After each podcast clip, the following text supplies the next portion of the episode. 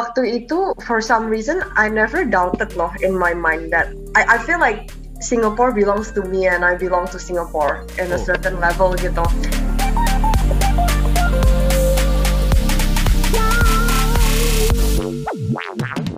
Selamat datang di 15 menitan Unofficial Podcast by Burdening di mana kita membagi cerita generasi muda yang masih berjuang untuk masa depan mereka dan masa depan Indonesia.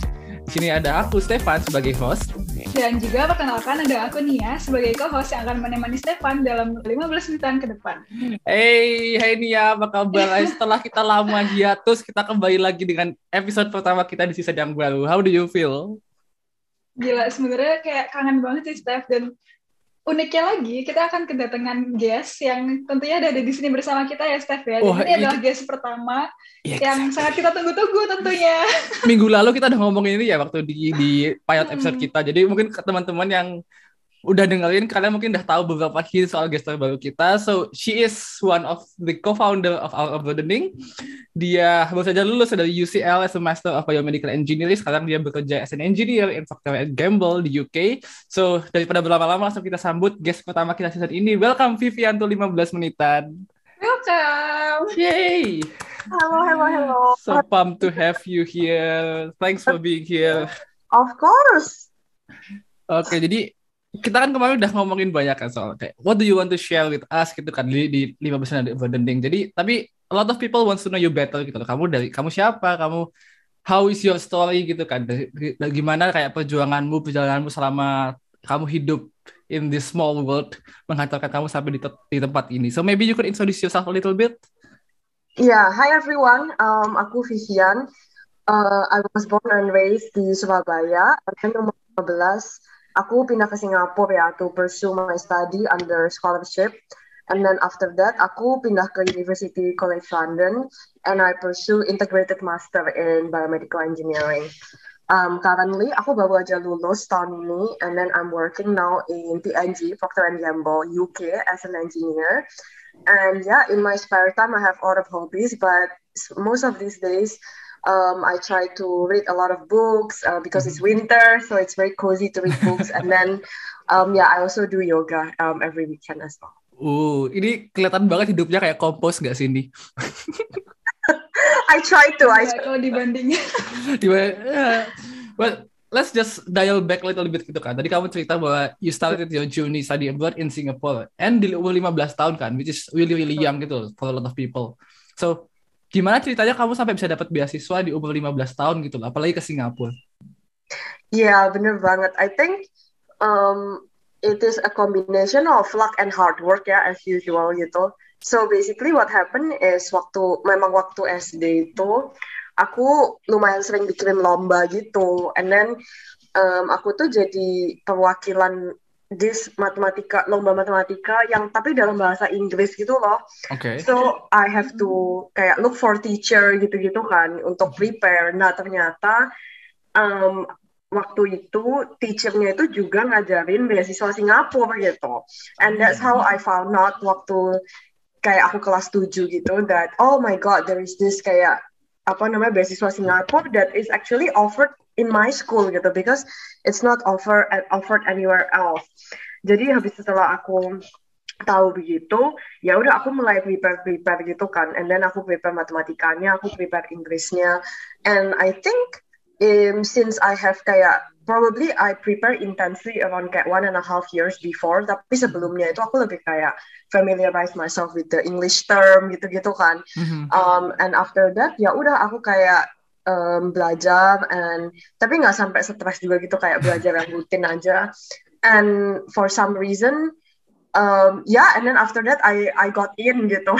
And I was one of the three Surabayan people gitu yang yang got in sisi saya dari Jakarta gitu. And then ya udah that's how I kayak got the scholarship when I was 15 Oh, I mean kayak kita tuh umur 15 tahun tuh masih mikir kayak kita mau SMA di mana gitu kan. Kita mesti mau pilih SMA lagi gimana lagi mikir UN gitu loh pusing-pusingnya. Kita masih main banyak and you decided at 50 years old to go to Singapore by yourself gitu kan. So Yeah. how was it? How's the story? Kayak gimana how how do you how did you feel about that? Ya sih, jadi I think waktu itu for some reason I never doubted loh in my mind that I I feel like Singapore belongs to me and I belong to Singapore in a Oh. certain level gitu. And I'm not sure I'm not sure why I just feel called to do that. Maybe because if I'm being honest with you, mungkin waktu SMP I was a little bit bored as well. Karena I think if you notice, menurut aku nih ya, my personal opinion tuh sebenarnya like pelajaran di Indo itu nggak terlalu susah gitu. Tapi yang membuat susah dan lama tuh kalau lu main HP gitu belajarnya. That's what I notice gitu. Kayak HP nggak selesai-selesai terus kesel gitu kan. Jadi uh, waktu itu I mean SMP memang not supposed to be difficult gimana ya, supposed to SMA juga gitu kan. So I think kayak emang awalnya itu aku juga kayak oh ya awal I feel like I'm up for a new challenge gitu. And so um, after that I also really really like my teacher gitu. I I really stay in contact with my teacher. Dia tuh yang kayak write my um, apa sih namanya reference letter gitu-gitu kayak my teacher yang matematika ini. Jadi kayak I feel challenged by what he was teaching me and I felt challenged by just the prospect of kayak living in Singapore for four years, dibayarin tuition fee, dibayarin accommodation, and dikasih uang jajan gitu. I just eating gitu kan. And kayak obviously uh, you are right. I'm still a child. Even when I was 15 and I plan ahead, but I'm still a child. Jadi kayak aku tuh suka banget kayak makan kayak kalian tau gak sih es krim sandwich di Takashimaya gitu. Tahu. Kan kayak ada es Hmm. krim sandwich gitu, jadi es krimnya ditambah di roti. Jadi Yeah. I really like that. And in my native brain, I just felt kayak, oh my god, I can go to Takashimaya and eat this ice cream every day. Jadi kayak kayak I it- itu sih there is that part as well where kayak I'm also a bit familiar with Singapore and everything. And so Mhm. kayak that's why I decided kayak you know what I think this seems fun gitu. And another part I think that is very important is that like in order in my in my experience in order for me to achieve something I have to find something yang um, gimana ya kayak easy enough to allow me to gain quick wins Mhm. but also difficult enough that I feel challenged gitu and I think the this Finding the right balance gitu ya. Mm, mhm, this beasiswa was a right balance for me gitu kayak Aha. um, waktu aku kerjain soalnya atau aku kayak aku latihan gitu kayak there are questions that I get right gitu and there are quite a few gitu kan. Jadi aku ngerasa kayak masih possible loh actually gitu kan. Tapi at the same time there are also challenges especially when it come to English gitu kan. Kayak gimana writingnya yang lebih bagus gitu-gitu and I wanna be better at that. Jadi kayak I think it was like I said gitu sih combination of luck and kayak hard work gitu sih. Cool, cool, cool. Hmm. Oke, so actually kayak bisa masuk ke Singapura dengan beasiswa dan kayak kamu juga bisa improve life kamu nggak sih secara nggak langsung Viv kayak jadi lebih fokus and also uh, banyak hal lain karena bisa mengasah Inggris dan lain sebagainya. Tapi ada nggak sih kayak perbedaan belajar yang paling kentara selama bersekolah di uh, Indonesia dan Singapura itu sendiri? Banget, banget. Jadi kayak waktu aku pertama kali masuk Singapura tuh, I feel like I got a shock of my life. Um, because when I was in Indonesia, at least in my experience, as uh, waktu SMP Mhm. gitu, itu tuh kayak lumayan banyak regurgitation gitu. Jadi aku selalu suka kasih contoh kayak gini. Misalnya kalau di Indonesia tuh kita mesti ngapal gitu nggak sih kayak oh perang di Ponegoro tuh tahun berapa gitu-gitu kan. Terus siapa 1825 saya 1830 aku masih ingat sampai sekarang. Gila. ini semua kita nggak koordinat coy. ya makanya just know. Nah, kayak um, iya so kayak have to know a lot of information but I feel like this information itu stand alone gitu. Like Hmm. it's not integrated right. Jadi misalnya kalian tahu oke tahun berapa perang ya udah yang meninggal siapa tapi we only know about facts. But the thing about facts is that it is googleable, kayak it can be searched gitu kan. Hmm. But when I went to Singapore tuh what I realized tuh they never ask and they almost never ask anything about facts gitu kan.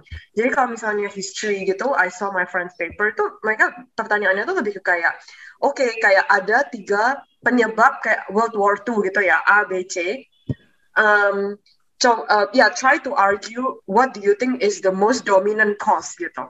Hmm. Jadi waktu kayak kalau ketika waktu di kelas from my ini from from my understanding tuh mungkin gurunya cuma kayak jelasin all the facts gitu kan. Kayak penyebab A itu gimana backgroundnya siapa yang involved penyebab B gimana penyebab C gimana. But at the end of the day they expand it further with critical thinking gitu. And that is actually the same for all my O level and A level questions. Jadi O level and A level questions di Singapore itu is different for international. It's called Singapore Cambridge. Oh. Jadi Singapore tuh make its own questions Mhm. and it's like it's harder by like tenfold gitu because all the questions that you see in ini apa you see in the exam question gitu if it's about fact kayak oh what kayak misalnya chemistry dia tanyanya apa what is ionic equation itu paling dikasih satu mark gitu and Hmm. definitely it's not enough to pass or I think it's enough to pass but only if you get all the basics right gitu Yeah. kalau lu udah salah satu aja basicnya definitely not pass gitu and then the rest tuh is kind of questions yang you've never seen before gitu memang you have to interpolate extrapolate di waktu examnya sendiri gitu loh So they really ask you to think ya, kalau aku bisa Hmm. bilang. Yeah, they really ask me to think and it's really really early on gitu. Ya Hmm. memang kalau I mean di exercise class enggak lah. Exercise class ya udah you have to they have to make sure you understand the textbook gitu kan. Mhm. Tapi kalau misalnya di ini apa namanya udah di exam kayak gitu semua. Even for things yang kayak aku dulu ambil geografi kan, cause aku masuk kelas yang ambil geografi gitu. Ya juga kayak gitu. Jadi misalnya ada tanah longsor atau apa kayak gitu, you have to evaluate kira-kira ini lebih likely disebabkan fault ini apa lebih likely disebabkan sama yang B gitu. Hmm. Jadi kayak lu mau nulis juga anjir ini gimana ya? you can tell what is A, you can tell what is B, tapi nggak cukup gitu. But I, I think it was apa yang menurutku sangat interesting itu adalah bagaimana sebenarnya konsep belajar yang kayak gitu kan sebenarnya kita butuhkan nggak sih? Karena in our growing world di mana kayak tadi kau bilang facts are googleable, kita tuh kan lebih butuh creativity how we connect things kan, we creating things that we need. Dan yang aku lihat yang aku juga mau tanya sih kayak you're going then to biomedical engineering kan? Mhm. dan menurutku itu adalah suatu uh, major atau suatu subjek yang benar-benar creativity itu dibutuhkan but you really need to know the facts kan? Karena you need to understand biology physics and then you need to create something from this basic knowledge gitu kan Mhm. apakah itu juga alasan akhirnya kamu memutuskan untuk go to UCL and do this major Hmm, iya, so I think waktu aku memutuskan do UCL sama biomedical engineering, I also felt out of all my kayak exploring gitu-gitu. Mhm. Um, two things sih. Yang pertama memang I've always been interested in science gitu. Kayak I'm so interested in science. I don't think I consider kayak anything else that is not science or engineering related. Terus yang kedua, I mean another side of education system in Singapore tuh kayak gimana ya? I think you have to be strategic in order for you to get good grades gitu. And I think sacrifices need to be made sometimes.